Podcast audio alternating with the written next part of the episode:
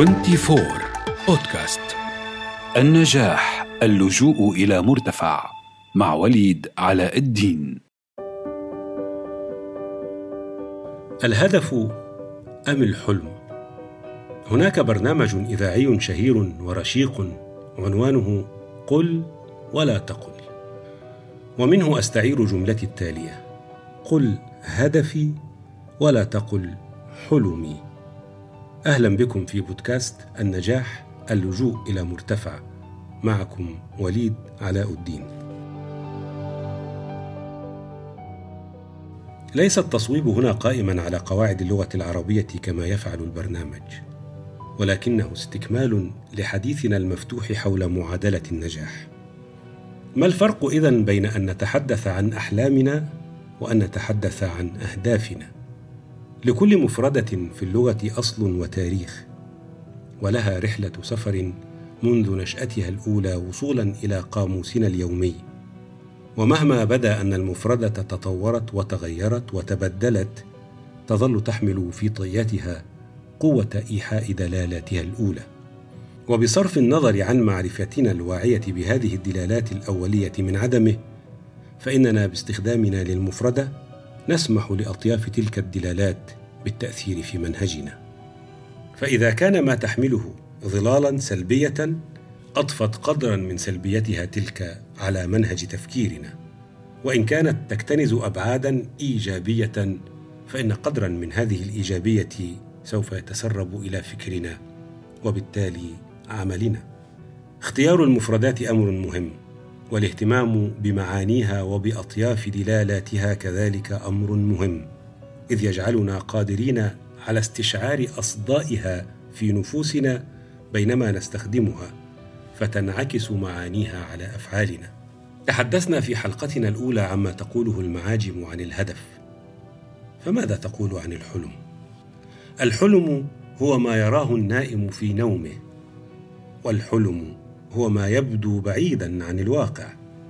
ويعرف علم النفس أحلام اليقظة بأنها وسيلة للهروب من الواقع. ويصف فرويد الأحلام بأنها وسيلة إشباع رمزي للرغبات التي لا يمكن إشباعها في حالة الصحو. فكيف إذا نسمح لهذه المفردة المشبعة بالسلبية والمفرغة من الإرادة بأن تنافس داخل مخطط حياتنا مفردة أخرى شديدة الدلالة محددة النطاق والأبعاد مثل مفردة الهدف. إذا اتفقت معي على أنك أنت مشروع نفسك كما قلنا في حلقة سابقة فاعرف أنه لا يجتمع المشروع من شرع في الأمر أي بدأ العمل فيه مع الأحلام إنما بلا شك مع الأهداف. إذا اترك الحلم وتمسك بالهدف سوف يبادرك أحدهم بحديث متحمس عن الأحلام الكبيرة التي تملكها النفوس الكبيرة باعتبارها سر النجاح. اسأله بهدوء ما معنى النفوس؟ وما مفهومك للأحلام؟ وما سر وصفها بالكبيرة؟ أن تصف حلما بالكبير فلا بد أنك عقدت مقارنة بينه وبين حلم آخر اعتبرته صغيرا. فما مواصفات هذا الحلم الصغير؟ وبأي وحدة قياس وصفت الحلمين الصغير والكبير. الهدف أنت تحدده له وحدة قياس أنت كذلك تضعها. وقد تخترعها بنفسك في ضوء جودة تحليلك وتصنيفك لقائمة موجوداتك وممكناتك ودراسة محيطك. وعليه يمكنك وضع مخطط عمل له معايير ومؤشرات جودة وسبل مراقبة أداء وجدول زمني للوصول إلى ما تحدده من أهداف. ضع هدفك على قدر ممكناتك لأن تحقيق الهدف يرفع تلك الممكنات بما يسمح لك بتحديد هدف أرقى من سابقه وهكذا تتدرج هدفا وراء هدف. فهل يمكن فعل ذلك مع الحلم؟ لا أظن. الحديث عن الأحلام الكبيرة وكلما كان حلمك كبيرا صرت كبيرا حديث في رأيي غير صحيح. ربما التبس على ناقله الأمر وهو يتحدث عن مقولة think big. من دون انتباه إلى الفرق بين فكر النابعة من العقل واحلم النابعة من قلة الحيلة. لا بأس إذا كانت هناك قوة خفية تجعلك من المتشبثين بمفردة الحلم فدعني أقترح عليك طريقة أخرى. كسر الحلم إلى مجموعة أهداف متلاحقة. إذا نجحت في ذلك انسها كلها إلى أن تحقق أول هدف منها.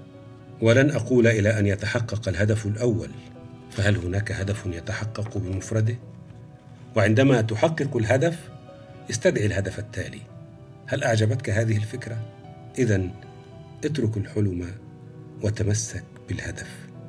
إذا كانت القوة الخفية ما زالت تشدك للتفكير بمنطق الحلم تعال نفكر بشكل مختلف.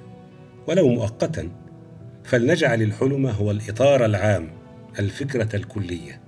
وبعد أن تمنحه تلك الأهمية الكبرى والقيمة العظمى ليرضى الجانب العاطفي في تكوينك ابدأ في وضع خطة لتحقيق الحلم واحرص على أن تتم في ضوء ممكناتك وموجوداتك ونتائج دراسة محيطك.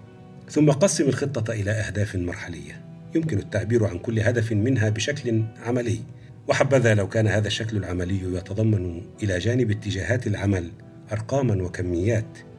هدفي كذا ويمكن تحقيقه في كذا ومن أجل ذلك علي القيام بكذا وكذا. هكذا تتحقق فكرة المشروع لأنك شرعت في العمل. ومع كل خطوة سوف تكتشف قدراتك وإمكاناتك أكثر. فتتمكن من إعادة تسخيرها في خطة البذل من أجل تحقيق عوائد أكبر أو تقليل الزمن والجهد لصالح الجودة والكفاءة. إلى آخر ذلك من معادلات ستمنحك فيما بعد متعة كلما أجدت التعامل معها. الأمر سهل. إنه تغيير بسيط في دفة التفكير. بدلا من استخدام مفردة الحلم خلال التخطيط لحياتك استخدم مفهوم الهدف. الهدف لوحة يمكن التصويب عليها بعينين مفتوحتين ويد واعية. أما الحلم فشاشة عرض داخلية تنعكس عليها رغبات وأمنيات وآمال تختفي كلها فور أن تفتح عينيك. اذا اترك الحلم وتمسك بالهدف. داخل معادلة النجاح لا مجال للأحلام فقط الأهداف. وما زال السؤال قائما كيف نحدد هدفنا وكيف نعرف أن فيه نجاحنا؟ وما زلنا نسعى في طريق إجابة مبنية على مزيد من المعرفة والتدقيق.